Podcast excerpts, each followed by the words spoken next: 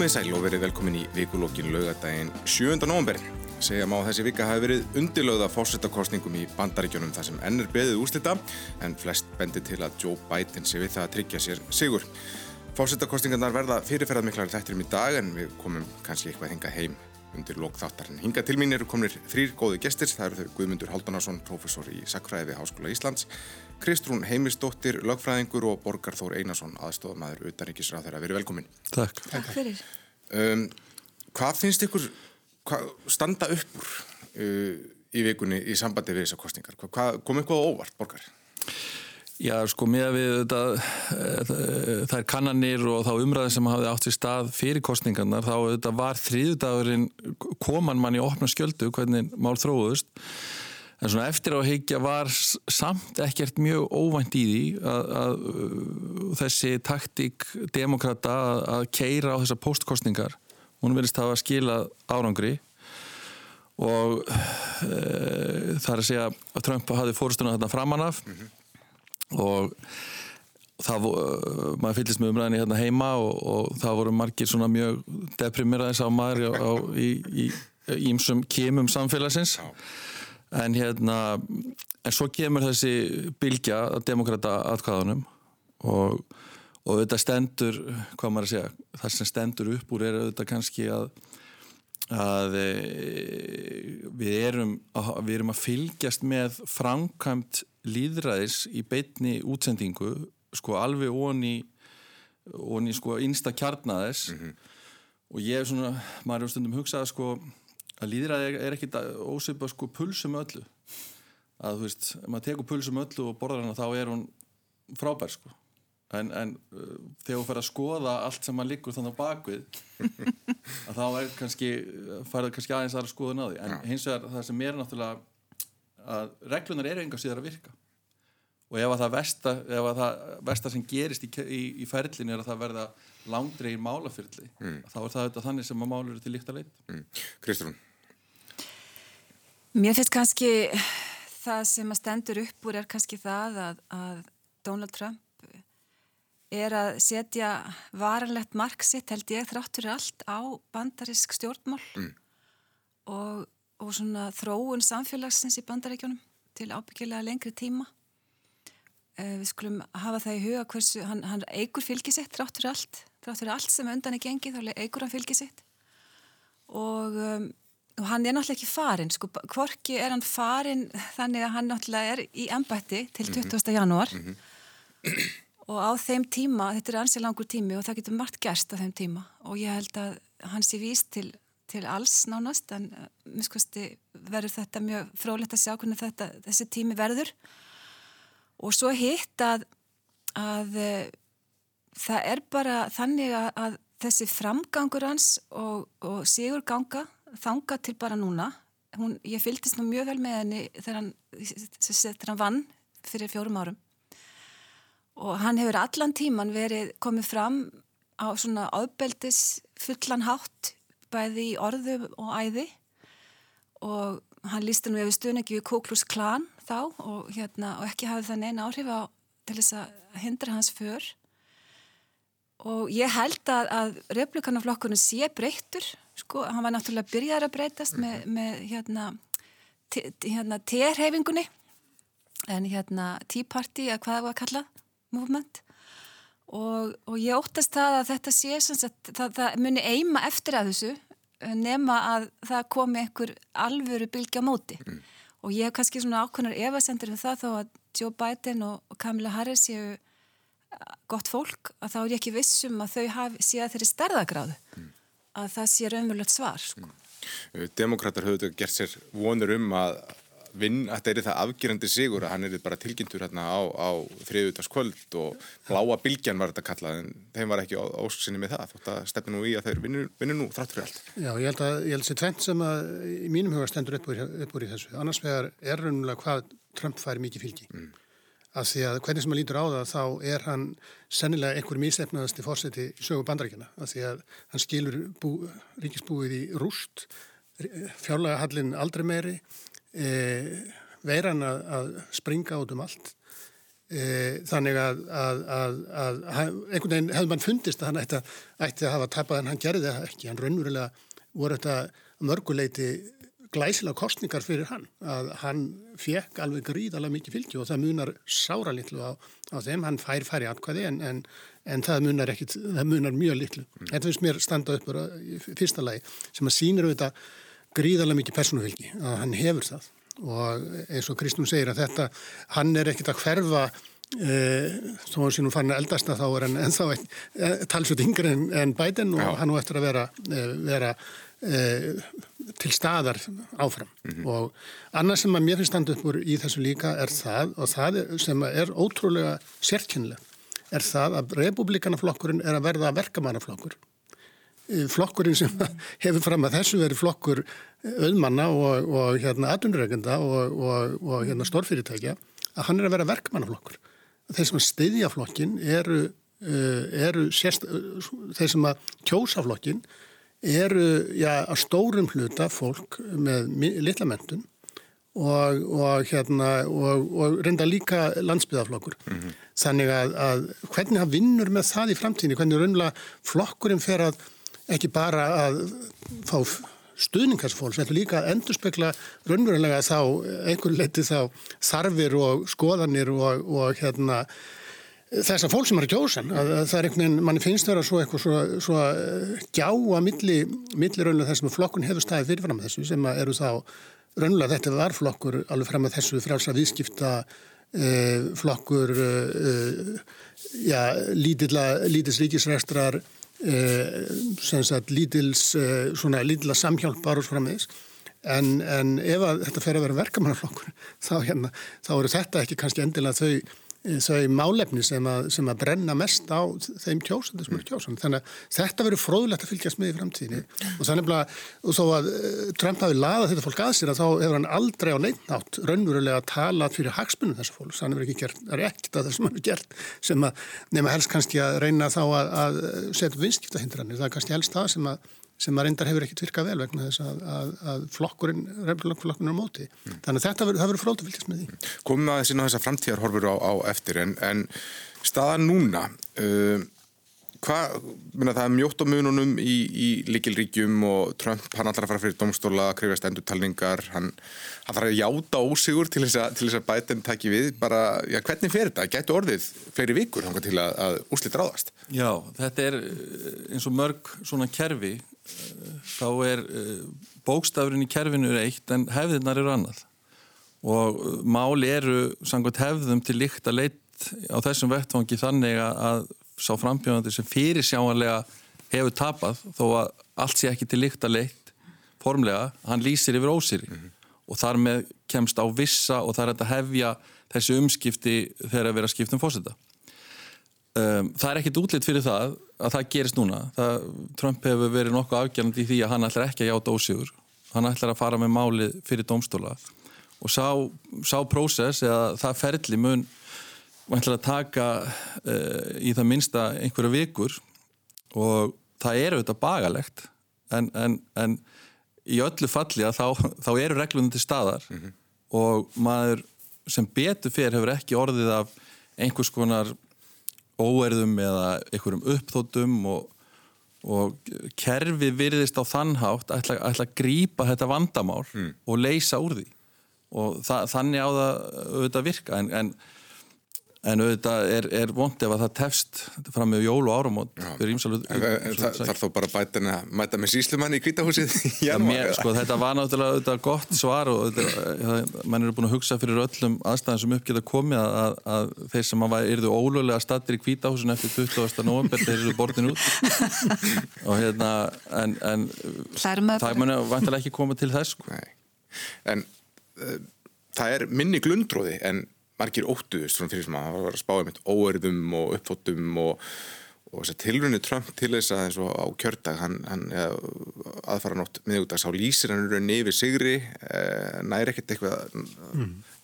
það næri einhver fylgi Nei. og þetta hefur, hann hefur ekki náða magna upp já, meiri óanægi en raunberi vitni allavega eins og komið er Nei, hluta til kannski er það vegna þess líka það er, er ennþá verið að telja, það er ennþá svolítið spenna í þessu og, og það sem eru svona aðeins flægt fyrir honum líka er það að, að að hann hefur með, hann segir eitt fyrir Arizona sko þar sem hann sér það að með að telja fleiri atkvæði það munir kannski geta unnið.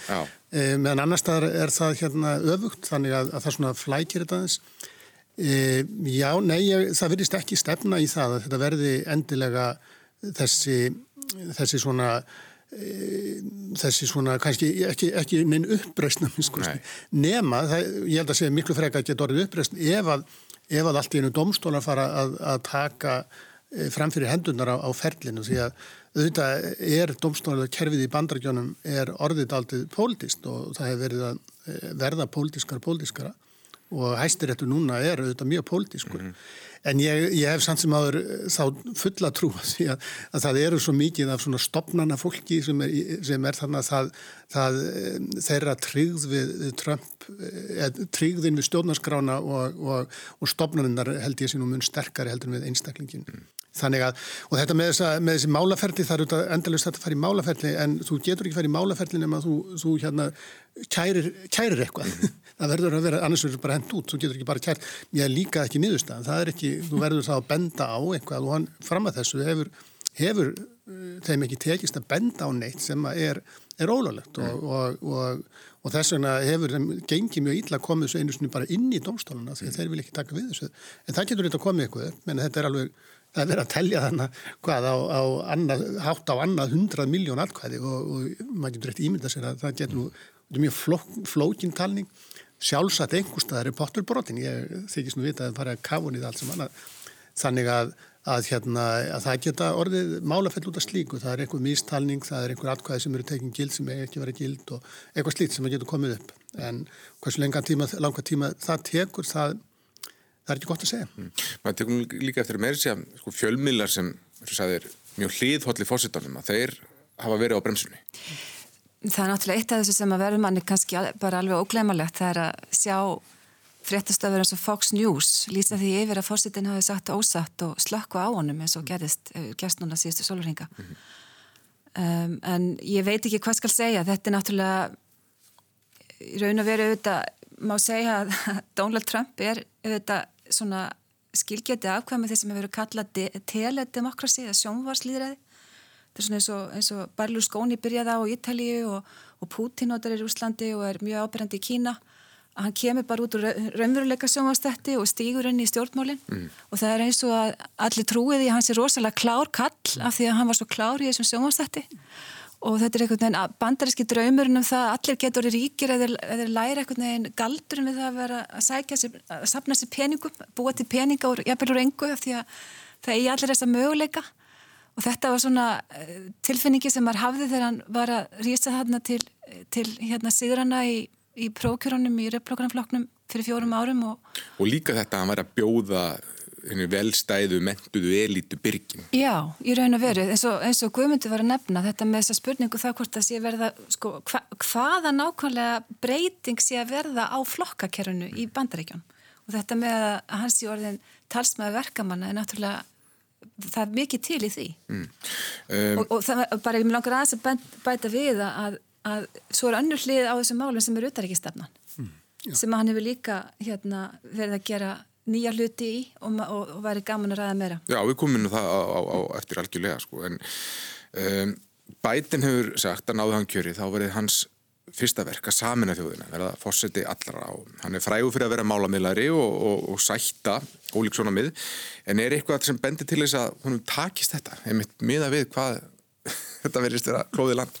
Sko ég held að, að svari við þeirri spurningu sé að, að finna í við þóru mjög margra Eh, eða þeim miskilningi sem gætir í viðhóri margra gagvart Trump og þeim sem honum fylgja mál mm. það er að segja verð, það verður að aðgreina personuna mm. og þá vankantar sem að menn telja sér sjá á henni og, og hans framgöngu gagvart eh, ástafnu fyrir því að menn fylgjónum og við skulum alveg átt okkur á því að uh, sama hvað skoður menn hafa á Trump þá eru ekki allir uh, þetta er ekki bjána, það er ekki 60 miljón bandarækjum en fullkonir uh, bjánar sko, mm -hmm. það, það eru ástæður fyrir þessu og eins og Guðmundur bendir á, hann er að bæta vissi í fylgi og á meðan að hvað maður að segja, á meðan að umræðu stjættin eða þeir sem að telja sér vita betur og, og hafa, telja sér hafa þekkingumálum meðan þeir tala niður til tuga miljóna bandaríkjamanna með þeim hætti sem gert hefur verið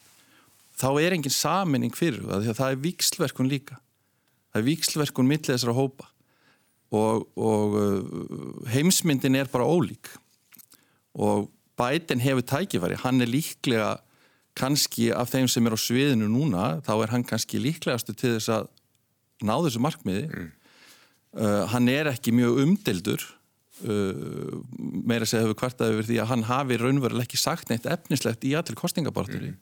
um neitt einasta mál og uh, þannig að hann, hann hefur tækifæri til þess en, en, og hann getur unni með þinginu nú halda republikanar meirhlutanum væntalega í öldungundeldinni þannig að það verður, það verður þörfa samstarfi en líkilatriði er að skilja á milli sagt, Trumpismans það maður getur kallað það eins og, eins og við erum að fjallum og þeirra ástæðan sem liggja bak við þetta mikla fylgi sem hann hefur. Mm -hmm. Þetta verður vantilega vandarsamt verk fyrir uh, Joe Biden að því að innan demokrataflokksinn sem fylgismenn Bernie Sanders sem er að kalla þetta mér í rótakni eða eitthvað er sko að þeir taka því nú vantilega ekki þegar hljóðalust ef, ef Biden fyrir að tegja sig of langt yfir á hægri vengin. Nei og það má segja að sumuleiti að þá er þessi niðurstaða að, að þingið að, að demokraterinn ekki meirhundir báðum deildum þingsins það, það hjálpar bætin að því að, að, því hérna, það eru þetta mjög eh, hávar vangur í floknum sem að eh, greinilega hefur ekki mikið fjöldafylgi í bandaríkunum, hefur fylgi innan á, á mjög takmarkum ákveðnum svæðum en það er þetta það sem er unnulega svolítið svona vandi demokrataflokksins er það að þessi, þessi svona hávari hópur uh, sem er mjög róttakur uh, híkar ekkert við að kalla sig sósilista mm -hmm að, að þessi hópur er eina af ástæðan fyrir að Joe Biden var kosin. Að því að það sem að gera verkum að Joe Biden er virðistæði að vera að vinna þetta er kannski fyrst og nýst það að hann náði að auka kostningaþáttökuna og hann náði e, og það er hluta til vegna, vegna þess að verðum við svo íllaði Trump að það, persóna Trumps er einhvern veginn svo stór þannig mm -hmm. en líka vegna þess að, að þessir aktivistar sem eru mjög ótækir að þeir náðu að, að, að svona miklu betur heldur en til dæmis í síðustu kostningum að, að fá fólk í, svarta í, í eh, borgum eh, þessara fylgja þar sem, þar sem að Trump marði sigur síðast mm -hmm. eins og Wisconsin og, og, og Michigan til dæmis bæði Detroit og Milwaukee þar, þar var lítil kostninga þáttaka síðast núna er hún mikil og það er vegna þessara róttaklinga þannig að þetta verður, þetta verður mikið, mikið hérna e, svona jafnvægisspil og það verið mjög erfitt fyrir bætin að standa móti mjög róttakum e, kröfum frá þessum hópi ef hann hefði haft meirhult í þinginu. Og þeir byður bara komið alls konar e, New Green Deal og allt þetta sem að er bara, verður bara segjast eins og er að er ekkit gríðarlega mikil fylgi fyrir í bandaríkunum og það er einum ástofni fyrir til dæmis að að Flórida fór eins og Flórida fór var það að menn voru, þar eru, eru hérna fólk af Suður-Amerísku bergi eða Rómusku-Ameríku bergi brotið að það óttast fátt meira heldur sósilisma, ég meina það, þetta eru afkomendur hérna flottamann frá Kúbu og Venezuela, þeir vilja sko engan sósilisma, mm. þannig að, mm. að þeir er ekki til náttúrulega Trump en að tala Trump uh, um, um þá sem, sem skít og, og, hérna, og, og auðmíkja en, en þeir vilja hann þó frekkar heldur en heldur en, heldur en sósélist. Já, það er til dæmis miklu læra fylgi meðal rómanskra Amerikana í, í Flórida hjá Biden heldur en hjá, hjá Hillary Clinton fyrir fjó, fjórum árum. Já. En hvað segir þú Kristún? Hvernig, hvernig, hvaða möguleika hefur Joe Biden í þessu stuð? Sko, ég held að þetta, þessi spurningu það hvort að hægt sé að ná einhverju árangri í því að, að svona fram á veginn, hún mun náttúrulega snúast um efnahagsmálinn. Mm og mér snúast um það, það vita það allir og það eru þetta algjörlega umræðan í bandaríkjunum lofur af því að ræða það hvers konar ný, nýtt hagkerfi kemur út úr þeirri greppu sem að COVID er að leiða yfir heiminn og bandaríkjum þar á meðal. Og það er kannski þessi stóra spurning sem að, ég, man, ég sagði hér í upphæðu þáttur en ég var ekki vissum að að Joe Biden var að þeirri stærð hann geti svara þessu sem hefði gerst nú þegar, þessum fyrir lægi og það er kannski það sem er svo sérkjænlegt líka við þessa umræðu. Hún hefur snúist, kostningarnar hafa allar snúist um personu Donald Trump. Þetta er bara, og, og í raun og veru hafa fjögur ára bandarísku stjórnmálum snúist um það að anstæðingar Donald Trump hafa verið að beita stjórnaskrannir til þess að halda aftur á hann og halda hann niðri og komið veg fyrir að hann geri ymsta hluti, þið veitir, það er búið að vera pushback eins og þau segja í Ameríku gegn honum á þannan hátt, alla þennan tíma. Kamala Harris er í raun og veru orðin eða vantanlega verða varafórst í bandaríkjana vegna þess að hún er svo öflug í því að taka þetta debatt í þinginu hefur verið. Og hérna það er það sem hefur skapað hennar stöðu. Miklu frekar heldur hún er sér svo reyndur stjórnmálamæður hún, hún er saksóknar, hún er ekki stjórnmálamæður sem er reyndi því að koma með einhverjar félagslega stefnun í samfélögu eða samina hérna hópa og það er hins vegar miklu frekar hérna, sterkalið Joe Bidens en það sem ég er að segja er það að að við höfum ekkert séð á neyn spil hjá demokratafloknum um það hvernig hans er búin að endurhugsa sína efnahagssín, mm. hvernig hann ætli að spila efnahagsmólinn, hvaða afstöðu ætlar hann að hafa til einhverja frívæslunarsamninga eða, eða opuna heimsviðskipta, Hva, hvernig ætla það að fara að því að, að reysa lítil og meðarstór fyrirtæki upp úr því að vera í, í steik í þessum, hérna, og svo framvegist. Þetta eru ekkert af þessu hefur eiginlega komist að í þessari, þessari kostningabortu sem hefur einkennst af af umræðu sem, sem við munum nú eftir hérna þessum sillilega sjónvastættu sem er voru að öskra hver og annan sko, ég menna þetta, þetta er, það, það er þegar að pólitíkinu er komin á þannan stað mm. þá verður ekki hugmyndaleg gerjun mm. og svo, verður, svo eru allir komnir inn í bergmórshellana og það er þetta það sem á líka við um hérna pólitíkina í bandaríkjunum að, að sósilstarnir þessar lengst til vinstri í, í, í demokrataflokknum er að tala hverju við annan og allir er í svona ekkurum hópum Og, og þá kemur enginn sko Rósevelt fram á svið, sjónarsviði mm. með heila kynnslóða fólki sem vann bara sér út úr greppunni mm. sínum tíma mm. og, og það er kannski stóra spurningin, vonandi vonandi, og það, auðvitað þurfum við að því að halda við þurfum að því að halda hér á Íslandi og bandar ekki með þurfum að því að halda heimurinn þarf á þessu að halda, mm. þetta er þess að þarf Ég, ég tek undir þetta með Kristrúnu en, en það, við þurfum líka kannski að uh, átt okkur á því að eiginleg völd bandrækjaforsta oft talað um bandaríkjafórsta sem valda mest að mann heims eiginleg völd bandaríkjafórsta eru miklu minni heldur en flestir svona hafa á mm. tilfinningunni hins vegar eru óeiginleg völd og áhrif áhrifin eru mjög mikil og þetta skiptir máli varðan það sem Kristrúnar segja að demokrataflokkurinn sem fer þá vantarlega ef, ef allt gengur eftir sem að útliti fyrir mun fara með völdin í kvítahúsinu að völd bætens og áhrif, verða miklu meiri hvað var það sko ásýnd og þáttöku bandaríkjamanna í uh, sko alþjóðastarfi og svo framvegis. Og hann getur haft mikil áhrif þannig en, en að rinda einhverju stefnumólum í framkvæmt og svo framvegis það er, það er svo mikil tregða í kerfinu. Mm. og það er gott. Og það er gott vegna þess að, að menn geta haft hvaða skoðan og Trump sem vilja á þessum fjórum árum. Og maður getur sagt Trump hérna er ykkur á að að hans er versti fórst í sögu bandaríkina en bandaríkin hafa ekkit farið út á spórinu það er vegna þess að fórsetin hefur ekki mjög mikil völd í raun og veru.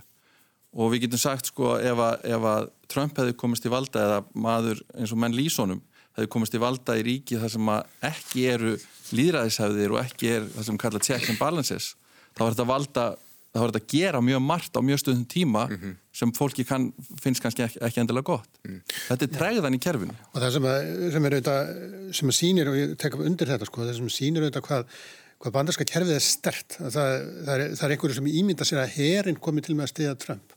Herin gerir það ekki.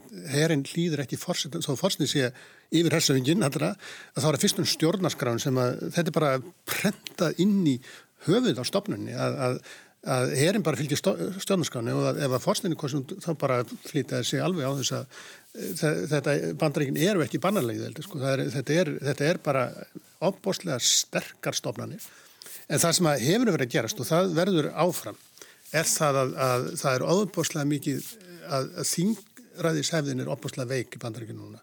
Einfallega vegna þess að það er hún alveg först að því bandarísk þingræðishefðu byggst á samkomiðlægin og það hefur verið, það eru bara tvei flokkar sem að raunverulega eru þeir eru, þeir eru svona já, með enginlega ídológisk heimili vegna þess að, að það eru menn í demokrataflokknum sem geta alveg republikaflokknum og öfugt, þannig að þeir skarast þetta er svona landfræðilegt og hefðir og svona, þannig að, að þingi hefur alltaf gengið gegnum þetta að, að semja. Og þess vegna til dæmis er þessi regla í, í öldungadeildinni sem að, og það er þessi fílibasturregla svo kallaði, þú þarfst að fá 60 atkvæði fyrir mjög mörgum og langt flestum þingmálum til þess að, hérna, það fari þar í gegn. Og það getur, það er mjög sjaldan sem að flokkanir er, annarko flokkur með 60, þannig að þetta vil allt bara, þú þarfst að semja því gegnum allt. Mm. En það hefur verið bara verður bara segjast eins og er að, að Mitch McConnell sem er, er, er, er sem sagt núna fórseti öldungadeldar, nú verður það áfram. Og það, það bara var hans, eh, hans motto eh, meðan Obama var við völd að, að stoppa bara allt. Að það var bara, það var bara allt stopp. Og þeir hóta því núna bara stoppa veist, hérna, hérna ráþæra sem að ráþæra þurfa að samleika þinginu en ég held að það sé mild kostur í þessu sambandi og, og bætin er ekki kannski lítrikasta persóna í heimi en hann hefur alveg gríðarlega reynslu af, af þingstörn og hann og Mitch McConnell eh, vinna vel saman. Og þegar allt var, fór í steik og höng á Obama tíman þá sendi Obama alltaf bætin til þess að tala við eh, Mitch McConnell og þeir settust niður og þeir gáttu samið um þegar þeirra hagsmunni snýrist um það að Mitch McConnell vildi ekki láta til dæmis eh, ríkiskerfi stoppa Þannig að þeir á síðustu stundu þá sömdu er alltaf um það að einhver svona fjárlega stoppa í göttinu og svo framvis. Ver, þannig að kerfið heldur áfram að en ver, þetta verður ekki þá tími svona stórkostlegra breytinga eða umbreytinga og kannski er það líka það sem, það er bara ekki, vinnist ekki unni stuðningu fyrir breytingu. Þetta land er svo klofið að, að eins, veist, eins hluta bandaríkjana verkilega og stórkostlegra breytingar er bara alveg hrikalega ræðileg místök í hugum hinna. Þannig að mm Já, en sko það sem bara áttum okkur á því að, að þetta er krísa, við erum, já, við erum á krísutímum. Já. þannig að það, það, menn hafa kannski ekki val, þeir verða að koma Nei. með eitthvað svör. Annarkvort verða svörin með þessum góð eða ekki, annarkvort duga þau ekki, þetta er svona duga að drepa staða, en sannlega er það alveg rétt, Joe Biden er greinilega, hann er mjög svona aðlegandi persona og hann er hérna, hann hefur óvennulega sögu sem öldugöldalega þingmaður og í því að ná samkommulagi og svo framvist þannig að það er í sjálf og sér auðvitað mjög góð mjög gott að hafa þannig mann í þessum aðstæðum. Svo bara, sko ég er alveg sammól ykkur um það að þessi stjórnaskrarhæð bandarækjana þar að segja sem var að hérna pólitísku þætti, hún heldur og mun gera það, hún hefur sannað það á þessum fjórum árum. Mm. og það var eitthvað sem margir óttuðust í upphæðu myndi ekki komið ljós en það hefur gerst. Og það er vegna þess að það hefur verið geysilega mikil, það hefur mjög aktíft unnið á þann hátt til þess að halda raun og fyrir Trump í skefjum og segja að þeim af anstæðingum hans. En hérna, svo er bara líka annað kerfið sem að Hamilton er höfundrun af og sem founding father, það er efnahagskerfið og það er það kerfið sem áminn reyna og það, það þýðir ekkert að skila auðu þar, það verður eitthvað að gerast. Þannig að, þannig að það er alveg sama, auðvitað er það líka sagt að, að áhrif fórstættu bandaríkjana eru kannski meira en, en, en völd en það er samt sem aður í þessari, þessari stöðu sem að Guðmundur var að lýsa þá hefur, fór Obama út í það að beita þessum presidential decrees já, já. og fara yfir þingið og í sjálfur sem var það mjög hættulegt fordæmi þegar Trump kom síðan og fór að gera það sama og, og hérna allt er þetta svona. Spennandi og sko kannski ofspennandi á sumuliti. Það er lemst eitt sem að verður að taka og það er fjárlegahallin. Það er ekki Já. hægt að keira kerfi þannig sem að Trump gerði og það vissu það allir að Trump hefði unnið þá hefðu republikana farið í massífa niður sko því að þau voru búin að segja það sko. Þau reyndar ekki að segja hvað er alltaf að skera niður en, en, en þú lækkar ekki skatta og, og, og eigur útjöld. Það kann ekki góð lukka stýra. En, en svo held ég líka við meðum ekki þessari umræðu algjörlega vannmeta það að að Donald Trump hafi gert góða hluti fyrir mm. sig mm. efnaðslega. Mér langar aðeins að koma einmitt inn á það, ef þið voru að koma að viðtækjanum þá er það að hlusta á vikulogin, gæsti mínir eru Guðmundur Haldunarsson, Borgarþór Einarsson og Kristrún Heimistóttir. Það er þessi punktur sem komst inn á aðan Guðmundur að, að, að republikanarflokkurinn verður að vera verkamannarflokkur en samt eru skilabóðin eins og þversagna kent og það kannar hljóma fyrir íbúa á Norðurlöndum þá krafan ekki svo að stopp upp í heilbriðiskerfið, heilbriðisjónustaf fyrir alla og, og eða eitthvað slíkt. Hver, hver eru þá skilabóð til verkamannaflokks mm. republikana? Já sko, bandargin uh, hafa fram að þessu uh, sem sagt raunulega saminast um þessa hugmynd að þú eigir að geta unnið þig upp áfram, komist áfram upp á þinn eigin, uh, þína eigin veruleika og þinn eigin ramleik og þetta er svo trú sem að, að bandarækjumenn hafa. það er enda búið að sína fram á það að það er miklu auðvaldara fyrir að gera það á Norðurlöndum heldur en í bandaríkunum en nú hlut til bara að því að, að, því að við erum með miklu, miklu smæri samfélag en, en bandaríkunum er stort samfélag. Þannig að þessi trú er mjög sterk og þú að, fólk sem að hefur það, menn líti ekki á ríki sem, sem svona sinn bjargvætt. Það, það er bara ekki þannig sem bandaríkjuminn gera. Bandaríkjuminn er mjög tortriðing akkvæmt ríkisvaldinu þetta, er, þetta á sig mjög djúpa rætur og jógst mjög á tímum, tímum Reykjans Reykjans var með þessa, þessa hugmynd að, að ríkin var í raunulega, raunulega óvinnur fólks og fólk ætti að, að gera þetta på einspýtur þannig að þó að reflingaflokkur er verið verkamannaflokkur þá er, þá er held ég mjög lítil lítið ákall með þeirra verkamanna sem eru kjósan eh, að, að það ríkið koma, koma að bjarga það er, ég held að það sé ekki en, en hvað það eru kalla á það er ekki alveg vissum sko að því að, að, að republikanflokkunni hefur fram að þessu bara eh, og það, það verður frólt að sjá sko hvernig hann verður til dæmis þegar kemur að því að með, með milliríkja viðskipti það sem að republikanflokkunni hefur fram að þessu verið flokkur fyrir alls viðskipta Trump var því, því ansnúin og vildi draga úr því. Hvað gerist núna þegar Trump er ekki lengur í hvítahúsinu? Mm. Það, það eru, eru í báðum flokkum, bæði í republikaflokknum og demokrataflokknum, eru menn sem mm. og það eru verið alveg jæmt upp á að bóða sem að menn hafa, hafa tortrykt þessa frálsu viðskipti og, og jáfnveg frekar verið í verkamni demokrataflokkum heldur en republikaflokkum. Þannig að þetta er eitt af því sem verður fráleitt að sjá og erum auðvitað ekki stefna í Íslandi. Þetta, sko, þetta er eitt af þeim sviðum þar sem að svona breytingar varða okkur Íslandika alveg, mm. alveg sérstaklega. Mm. Og við getum, uh, Euróbúar og Norrlandabúar og Íslandikar hafa mikla skoðanir á bandaríku stjórnmálum, en ef við fókusirum á þau svið þar sem við eigum snertifliti við bandaríkin, mm. þá er það auðvitað á viðskiptarsviðinu, það er á varnar og öryggismálarsviðinu og svo má segja að það sé í samstarfi um norðurslóðir. Og hvaða breytinga er að vænta á þessum þrejum stórum sviðum, eins og Guðmundur er að lýsa, að, að uh, það sem varðar okkur mestu, bandaríkin er okkar stærsta útlunnsland og uh, alla breytingar í aðra okkur áttina varð, uh, eru miklu hagsmunni fyrir Íslands takkerfi. Mm. Og við höfum á þessu kjörtíðanbili, það er að segja á meðan að Trump hefur verið, það fer enda saman við yfirstandið kjörtíðanbili nánast á Íslandi þá höfum við náð talsverðum árangri í því að, að koma á efnagsamráði sem að mun mögulega liða til fríhjörslunarsamnings. Bæten er ekki fríhjörslunarsinni mm -hmm. og það sem að kannski eh, varðar, eh, það sem okkur Íslandika varðar í því að, að, að eh, svo þróun sem er átt í stað síðust árin að hún haldi áfram. Mm.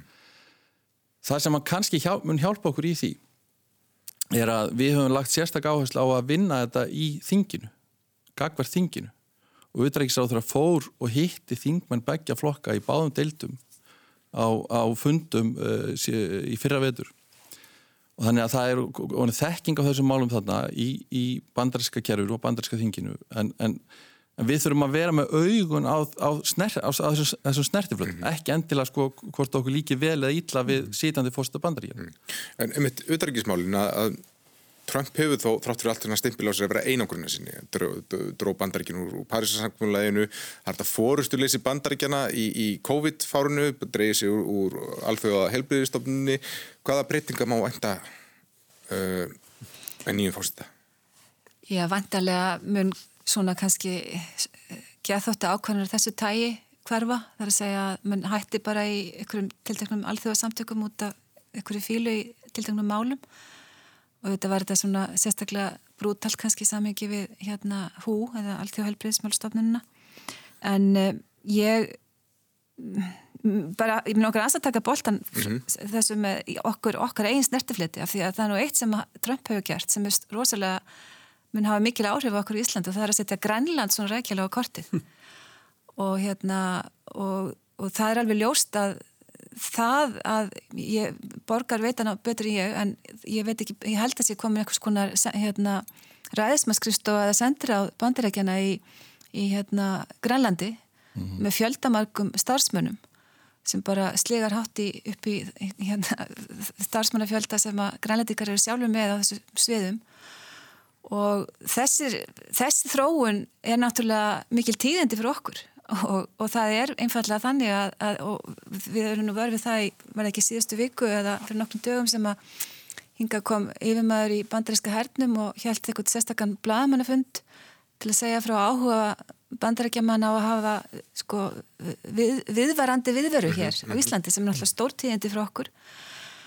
Og, og kannski flóki í pólitíkinni og þetta er kannski hlutir sem eru, eru hérna eitthvað sem við erum ekki beinleins að byggja um en er að gerast Mm. og það er bara vaksandi spenna, það er, það er vaksandi áhugi stórvelda, það er, það er keppni millir kínverja og, og, og hérna og bandaríkjana og hver ætla að hafa fórustu hér á þessu, svæði og þetta er, er bara risa stort mál fyrir okkur Íslandika. Mm. Heldur, heldur þessi áhugi minu halda áfram að aukast á, á, af hálfu bandaríkjumanna óháð því hver eru fórsiti? Já, ég held nefnilega að það er líkil atrið að þetta er óháð því hver er fórseti bandaríkjana. Það getur auðvitað verið blæbröðuminu en þessi stefna uh, hefur, hefur ekki haft neitt með Trump að gera.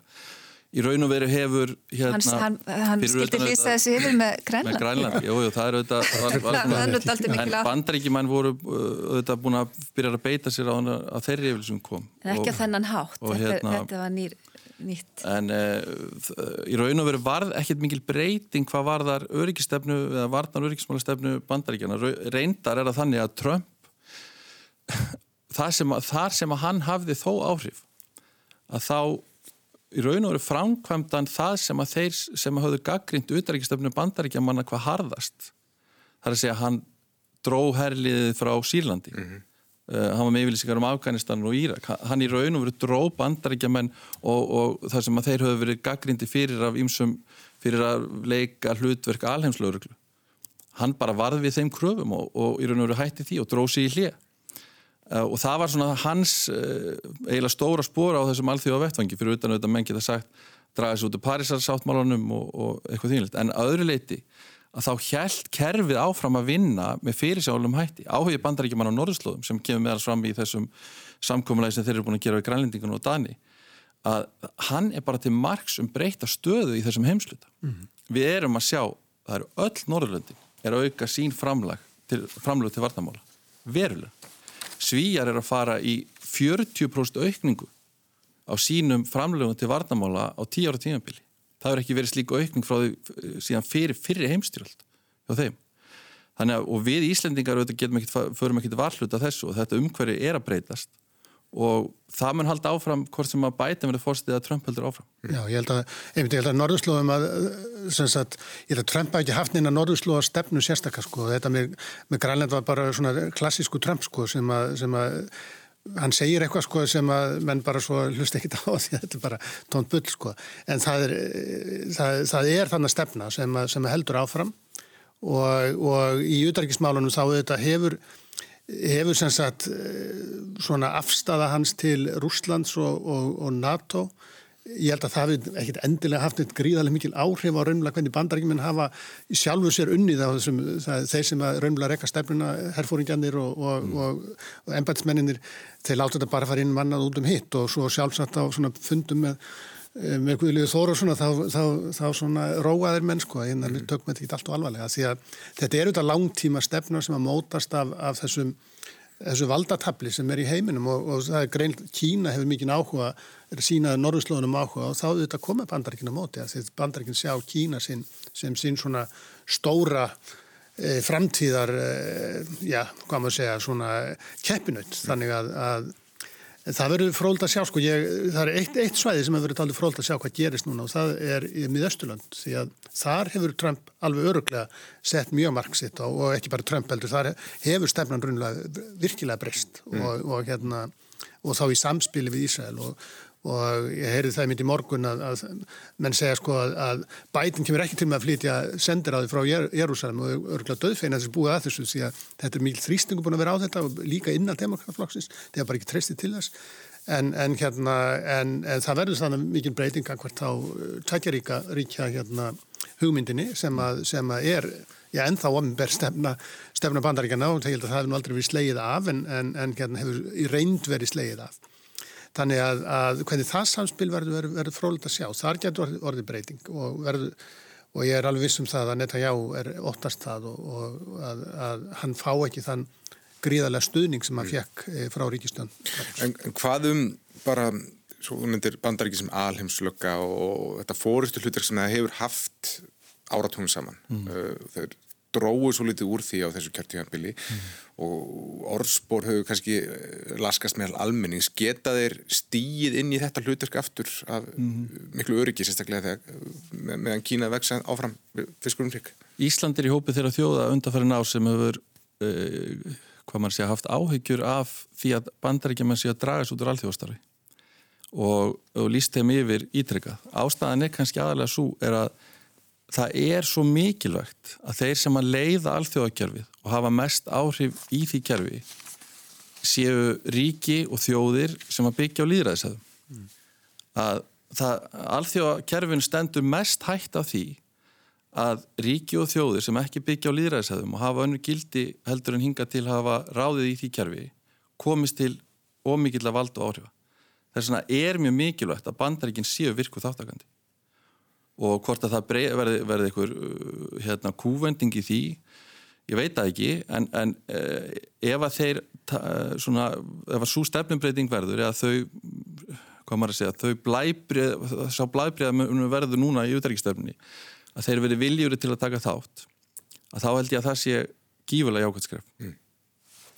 Ég er svolítið efasamt að manneskja um þessa láreglu hugmynd bandaríkjamanna um þessa, þessa svona hugmyndafræði sem eiginlega hófst með fyrra írækstriðinu um að, um að þjóðarétturinn þurft að fá svona láreglu til að geta fyllt eftir því sem hann segði fyrir um og það væri besta bandaríkjum að sæja um það. Og ég held að ef að við erum að, áfram að tala um það að, að demokrata sé að taka við núna að þá hef ég ákveðin að ágjöra því að nýju fórsetin eigi of sterkar rætur í þessar bakgrunni. Og, og það sem er líka skrítið með hernaðarþróun bandaríkjana, nú er þau búin að vera, vera í sífældu stríði í svo langan tíma. Og þeir stríðsreksturinn er búin að vara svo lengi og svo, og svo jamt og þjætt og þeir missa fleiri heimkomna hermenn heldur en á vývelli vegna þess að þeir all, koma allir tilbaka niður brotni menn. Og hérna og það er eitt af því sem hefur ábyggilega áhrif í allum þessum, þessum hræringum í bandaríkjónum að, að hérna, þessu sústaða til dæmis. Mm. en það sem ég vildi sagt hafa er að, er að hérna, það er nefnilega mjög mikilvægt að bandaríkinn beiti sér í hennum pólitísku samfunnu en það er kannski ekki það sama að, sko, og þar er tómarúmi mjög, mjög hættulegt og það er mjög slemt að menn hafa ekki vita hva, hver vitin er. Og það er, og það er engin annar engin, engin önnur, ekkert annar ríki sem er þá farið stíðin í tómarum það bara verður tómarum sem að, sem að hleypir alls konar öðrum hérna kannski aðlum inn í það að, að, að hafa áhrif umfram það sem að eðlert væri. Já. en, en sagt, þetta með að bandaríkjana er að vera lögregla og að bandaríkja fórsiti er að senda dróna út í allan heim sem að og svo breytingar orðið í bandaríkjónum að bandaríska fréttastöfar og, og blöð, dagblöð eru algjörlega hægt að fylgjast rauninni með þessu, þeir voru alltaf með stríðsfréttarittar á staðnum en, en þetta breyst yfir í það að vera svona einhvern veginn einhvern ósynlegt stríð þar sem að það er bara bein ákverðun fórstendans að, að, að það sé eitthvað svona drónahernaður í gangi eitthvað sem að engin veit eiginlega hérna, hvernig það fer fram. Gegnsæði hefur vikað mjög mikið. sko bara til að skýra það, sko, þetta hlutur sem Kristún lýsir sem alheimsöður, sko, þetta var eitthvað sem að var svona afsprengi loka kaldastrýsins, þetta var eina stórveld sem var eftir á sviðinu og menn sá þetta sem framkvæmda vald við munum eftir Kosovo og Serbíu og Balkanstríðunum. Það var svo sem eini aðilin sem að gætt framkvæmt það sem að saminu þjóðurna voru uh, að fara fram á. Joe Biden var einmitt virkur í, í hérna en, en það sem ég kannski meira talum er að, að ef að bandaríkjumenn draga sér út úr starfi og hafa verið að gera eins og mannreittnar á saminu þjóðana bandaríkjumenn gegna líka alveg gífulega mikilvæg hlutverki þegar kemur alheimsviðskiptum í, í WTO. Við sjáum það í okkar nærumhverfi hvað er mikilvægt fyrir við setjum í, í Norðurskjöldsráðinu og það er áttaríki þar, bandaríkin og, og Rúsland eru þar á meðal og svo Norrlöndin og Kanada. Að hvaða er mikilvægt að þeir séu við borðið? Og það er þetta sem ég er að tala um að, að við verðum að fá þessa sterkustu líðræðistjóð í heiminum að hún sé komittuð á þetta starf. Mm. Og ég er ekki að tala um að þeir eru að vera framkvæmdavald eða laurugluvald á alheimsvísu en þeir, þeir verða að koma inn í starfi En svo eru sem ég myndi kannski segja að já, ekki að Donald Trump hafi dreyið úr þessu hlutverki heldur hafi maður eins og hann komist til valda að því að þetta er hnygnandi stórveldi. Já sko, nei, ég held að ef, ef við horfum á, á það sem, að, það sem að hefur, hefur að gerast er það þessi lögreglustafna hún er bara bóðið skiprátt vegna þess að heimurinn er svo flókin mm. og það, þeir fundu þá það er bara svo opslega erfitt að draga þessu út. Þeir eru búin að vera, við erum búin með fórseta núna í e, eh, 12 ár sem að hafa haft að yfirlist markmið að draga þessu út úr átökunum við bótt mér en, en þeir eru þar ennþá vegna þess að það, þeir eru búin að koma sér það fyrir og það er opslega erfitt að, að pakka þaðan út. En, eh, en hérna það er bara, þú leysir ekki þessi vandamál með einhverjum hérna, með drónum. Það, þau leysast ekki þannig. En ég tek alveg undir þetta að, að það er alveg gríðarlega mikilvægt að bandarikinn, að því bandarikinn, Evrópussambandinu hefur alls ekki tekist að vera, vera sagt, utarikismála stórveldi. Þeim, það, það er bara ekki þannig. Þannig að við höfum raunlega bara þrjú stórveldi í eh, svona til dæla sterk ríki í allþjóðstofmálum. Það eru Kína sem í krafti þá efnahags Rúslandi krafti vopna og svo eru bandarækinu krafti begja og ef bandarækinu draðis út úr það þá erum við bara opna sviði fyrir, fyrir rúsum og kínverjum og, og ég held að það sé nú ekki endilega það sem að nokkur mm. svona vesturlandabúi eða, eða nokkur eigi að, að æstja af því, af því að ég held að það sé ekki, ekki gott fyrir, fyrir aframaldið. En við sjáum hvað við lefum tímum mikill að deglu mm. hvað margt er að reyfast og margt er að gerast sem að hérna sem krefst mikils af mönnunum. Mm. En ég held sko, ég held að ástæðan fyrir að bandarkinn tók þessa stefnu og það er þannig í lokaldastriðsins eins og Borga talar um að, að þeir byrja stíðan inn. Og ég held að þetta sé alveg mikið CNN affekt að menn sá allt í einu þessa hörmungar sem voru að gerast þannig að það verið að murka lífuður fólki og það byrjaði kraminu, við verðum að gera eitthvað í þessu, við verðum að reyna að, að, hérna, að bjarga þessu fólki og við verðum að koma vekk fyrir þessi átök. Mm á meðan að svona átök áður bara gerist einhvern veginn viss af þeim og það var svona frétt og frétt og stángli. Nú sér þetta bara beint, þú, en ég held að fólk sé, hefur smámsann verið þreyttar og þreyttar á þessu og sé það bara, við getum ekki berga þessu þá, og við gerum kannski bara íld verra. Þannig að ég held að þessi þáttur í eh, bandarsku utryggsstefnu, ég held að smám saman komið til með að draða þessu út úr en vonandi eins og, eins og Borgar talar um og þú Kristún að, að þá þá takir ég upp þetta pólitíska e, eh, fórsturnutverk sitt. Ég held að það, sé, bara, það er bara mikilvægt og, og það er mjög mikilvægt að einhver, einhver svona mótvægi verði við, við, við kín, kínverjum og, og sérstaklega kínverjum því kínverjar eru mjög aggressíft að, að gera sér gildandi og bæði sínu nærheimi en, en, en, en líka eins og á Norðurslán. Mm. Réttir lókinu þessari umræðu um, arfleð Donald Trump sem fórsetta eh, verður þetta, maður er byggðið að sakfræðingum að spá fram í tíman sem maður aldrei að gera en, en, eh, verður þetta bara eitthvað lítið frávik skrautlugu tími sem, eh, svona, sem emitt var haldið í, í skefjum út af þessu træðulógmálunni í kerfinu eða eru við á einhverju vantaskilum? Ég sko það er alveg ljóst að, að Trump var, hann, hann var að tjá ákveðna hluti mm -hmm. sem að hafa ekki heyrst og var þörf fyrir að, að var kallað á.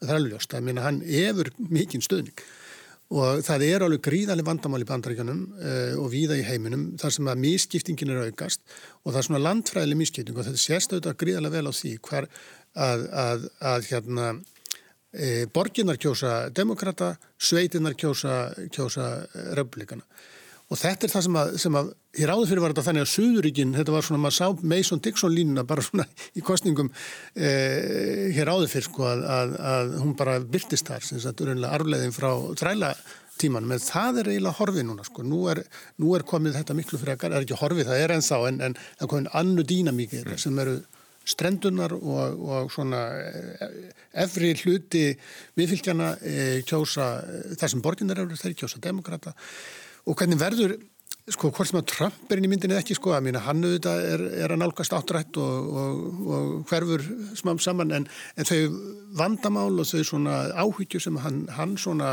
eh, hann svona náði að, að já, höfða til og nærðu hans fylgi að þau eru ekkit að hverfa og þau verður bara verða meiri og starri og og, eh, og eru bara mjög leysanleg vegna mm. þess að, að hann sætla að koma með alla versmiðunar aftur en versmiðunar kom ekki aftur og þeir geta ekki komið aftur af því það er engin efnarslega grundalið mm.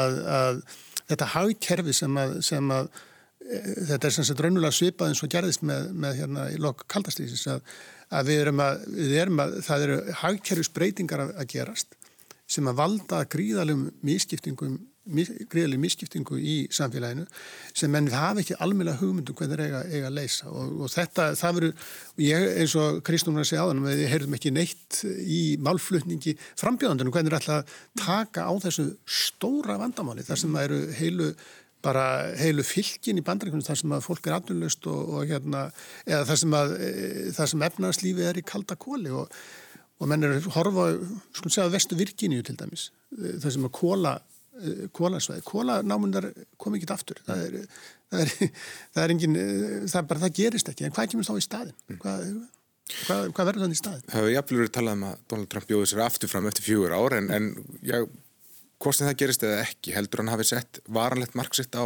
republikana flokkinu? Já, republik, já, á flokkin hefur hann gert það. Ég, ég held að eins og Guðmundur var að lýsa á þann að, að eh, eðli, hann er í, hvað maður að segja, svo kalla þetta sjálfs ímyndarkreppu sjálfsmyndarkreppu. Sjálfsmyndarkreppu, já. Að, hérna, að, að hann veit ekki alveg og eiginlega hvorugu flokkurinn út af Trump. Trump hefur sett báða flokkana í þessa kreppu. Mm. að hérna republikanaflokkurinn veit ekki hvort að hann eh, hvernig hann á að taka þetta hlutverk að vera uh, verkamannaflokkur eða flokkur hinn að treyðu byggða eða hvernig sem við kollum það. Og verkamannaflokkurinn allan að þeir sem að tala hæst þar inn í þeir geta ekki eh, haldi áfransin í pólitík með því að vera flokkur hérna hinn að mentu yfirstjættar það er að segja að það, það, það, það, gengur gegn því sem þeir segja þó að segja kannski þannig í raun. Þannig að það sem Trump hefur gert hann hefur breytt flokkalanslæginu ég held að hann hef ekki breytt bandaríkjónum og í sögu bandaríkjana að þá hérna, þá verður þetta minniháta frávik til lengri tíma litið. Það er að segja hans áhrif nema að það er flokkakerfið sem að held ég að hafa orðið fyrir mestum áhrif. En þessi Trump-ismi sem við tala stundum um og uppgangur uh, populista líðsinn um allan heim er þetta, uh, hann er að bæti í þóttan tappi uh, er það liðund lók? Populismi? Já svona, þessi bylgjans Nei, ég, ég held að það sé á meðan að við erum uh, við sjáum þetta svo vel á, vel á fjölmilunum við sjáum þetta skoðunukonum umfjöldunum að fjölmilar í bandaríkjónum eru að byrta fyrir heimsbyðinni og náttúrulega aðri fjölmilar uh, alþjóðlegir allt annan veruleika heldurinn er svo í raun og veru á, á, sagt, á þessu svæðum mm. Og populismin kannski rýs af því að stór hluti, 20 miljónar manna þeir horfa á það, það sem er verið að segja um lífi sem kemur ekki heim og saman við raunveruleika og þá leita þeir annar að svara. Þannig að, að, að vandin er ekki í því að 20 miljónar manna séu hérna, ekki, ekki á pari við aðra heldur að uh, það, það er, er sikur heimsmyndir sem að horfa þannig að ábyrgin liggur ekki síst hjá þeim sem að eru að gaggrina það af hverju menn eru að fylgja Trump-mál mm. og það, populismi náttúrulega nærist á því að það er fullkomið skynlýsleysi mm. Kristrún, hvernig, já, hver verður arleið Trump að þínum að því? Uh, ég held að hún komi fram meðal hans í því að hann hefur náttúrulega sannarlega á síðustu dögum gert svona vissal tilraunir til þess að gera, framkvæma eða láti í skína og gert kannski vissal tilraunir til þess að gera framkvæma einhvers konar valdarán, skulum við segja. Hann virðir ekki regluna um það að, að, að hérna, fallast á úrslitt og hefur byggt upp í það með löngum, löngum aðdraganda og virðist alltaf halda því áfram og við getum búist til því að, að það komi einhvern veginn enn skarpar fram á næstu hvaða eru 70 dagar sem eru til 20. janúar þegar, hann, þegar nýr fórseti verður tekur við vantarlega ef allt gengur eins við höldum. Og það er rosalega í sjálfu sér alvarlegu hlutur.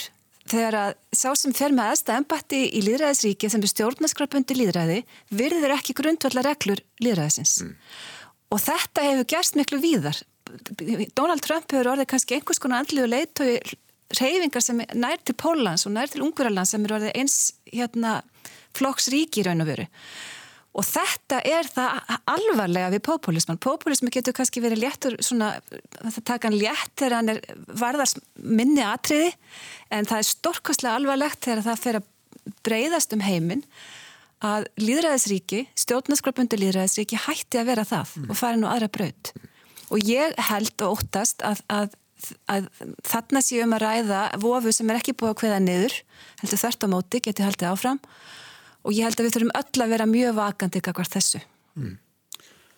En ég held samt sem að sko að Trumpismin, þetta er kallað Trumpismi og þetta byggir svo mikið á Trump og Trump er sem beturferð og ég held að það sé Guðst lukka, hann er orðin hann er svona, hann er engin, engin unglingur sko varða þannig, hann, hann, svona, hann verður ekkit verður ekkit þarna mjög lengi sko. en það sem að ég vil bara ekki áhersla á er það eins og ég segja að þeir svona, þeir vandamál sem að hann bendir á, þau eru ekkit horfin og, og ég held að stóra vandamáli í bandarækjunum er þessi gríðarlega og vaksandi mískipting að, að, að það er alveg ofboslega rík yfir stjætt sem eru ríkar og ríkari en, en laun almennings standi í stað. Og þetta er vandamál sem að ég held að, að republikanaflokkurinn vinnur ekkert á því að minna, þetta er gerst í, í hans, hans umbóði þá hefur þessi mískipting eh, orðið. Og, og hérna hvernig bandarækminn alltaf taka á því að, að það veit ég ekki. En ef þetta heldur áfram að þá er þetta samfélag að hrunni komið, af því að þú getur ekki, bandaríkinn voru ekki svona. Bandaríkinn voru alls ekki svona. Bandaríkinn voru uh, land þar sem að verkefliðsfélagin voru sterk og þar sem að, að, að var miklu minni, minni, minni misskipting. Og miklu meiri möguleika fyrir fólk til þess að, að komast áfram í samfélaginu, menta sig og, og annað. Þetta er eiginlega horfið og, og mörg, á mörgum svæðum er, er, er, er samfélagið hrunni komið. Þetta heldur áfram, það finnir ekki lausna því að, að reyna að dreifa, eh, hérna, dreifa gæðunum betur að þá eiga bandringin ekki langa fremti fyrir sig. Skulum gera þetta að loka orðum í þessum umræðum um bandarísku fósita kostningarnar. Tíminn er hlaupa frá okkur en bara örstuðt í lokjum. Borgar, hvað ætlar að gera um helgina? Ég var spáið að ferðast bara um húsið. Hljómar ágætlega, Kristrún, hvað? Ég er spennt að fara upp á hálótt. Já, þú, þú guðmyndir alltaf þú hún í kellara? Já, ég var hún í kellara allt sumar, sko. Þannig að ég líki ekki bara upp í sofa svolítið og það er notalega. Já, heru, hljómar allt saman dável í, í hauslaðinu. Kæra það ekki verið komin að Guðmundur Haldarsson, uh, Borgarþór Einarsson og Kristrún Heimistóttir. Hafið á gott. Takk. Takk sem leiðis. Takk, takk.